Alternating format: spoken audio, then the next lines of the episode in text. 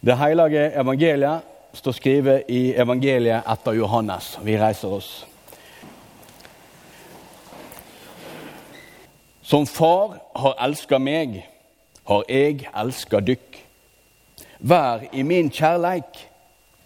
Helde båda mine er det i min kjærleik, slik jeg har holde båda til far min og er i hans kjærleik. Dette har jeg tala til dykk, så mi glede skal være i dykk, og gleda dykkar kan bli fullkommen. Og dette er både mitt. Det skal elske hverandre som jeg har elska dykk. Slik lyder det hellige evangeliet. Vær så god, sitt.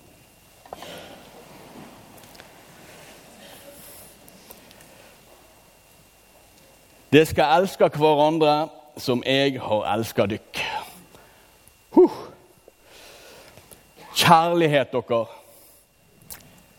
Å snakke om kjærlighet, å synge om det, det er så lett. Og det er så mange som gjør det. There ain't no cure for love. Love, love, love. Love, love. Love is all around me. It's everywhere I go. Kjærlighet, varmeste ord på jord.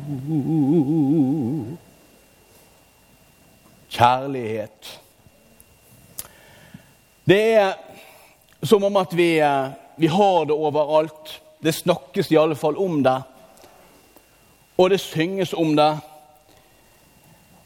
Men, men hva er det egentlig? Kjærlighet. Jesus han snakker om det på en litt sånn alvorlig måte. Han gir oss et bud. Kan du, kan du beordre noen til å elske deg? Kan vi det? Kan du si til den du er forelsket i på skolen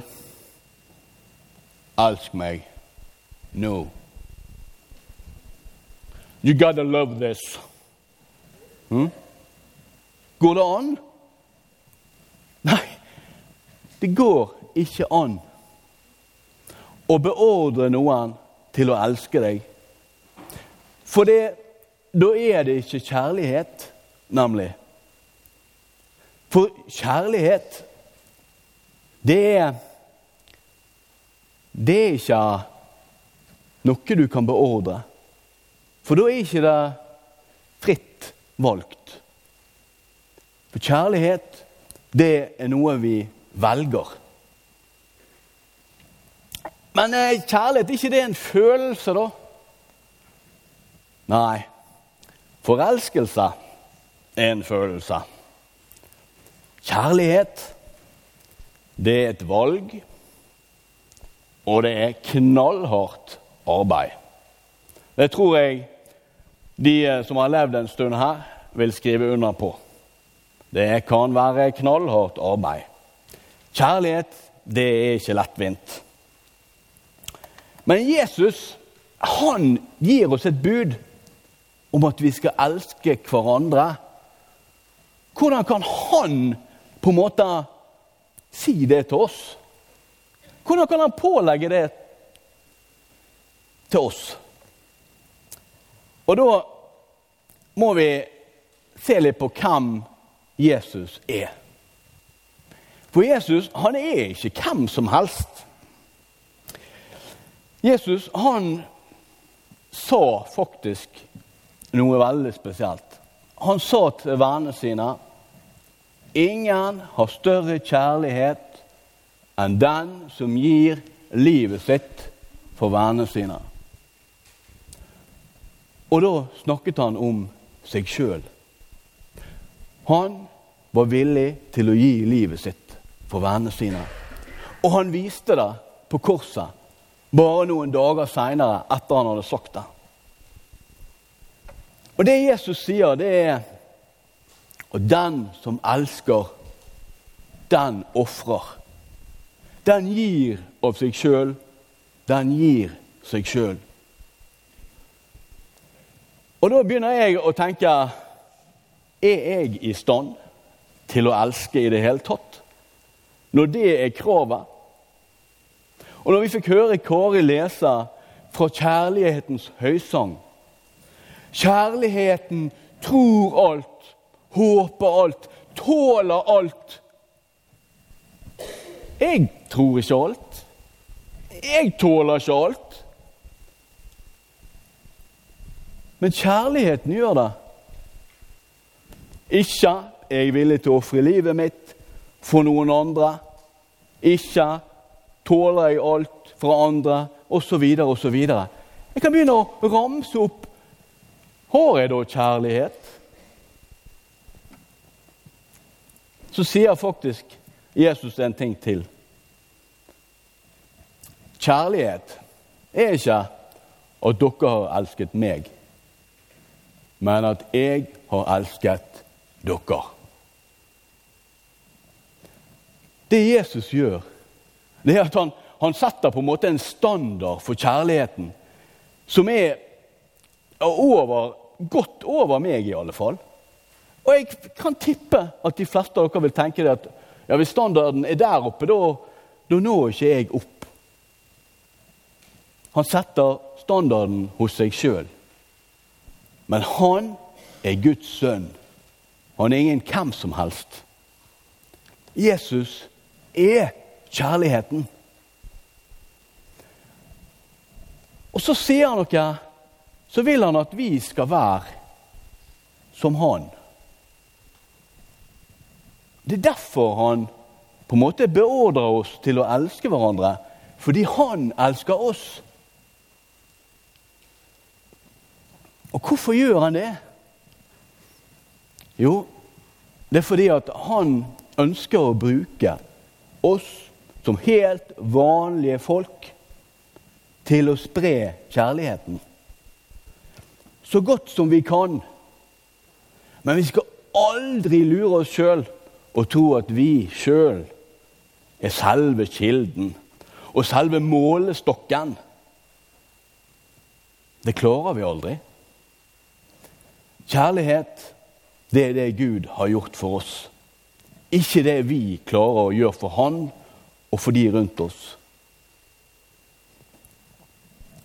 Men hva, hva kan vi da gjøre når vi ikke strekker til? Elsker Gud oss mindre da, eller?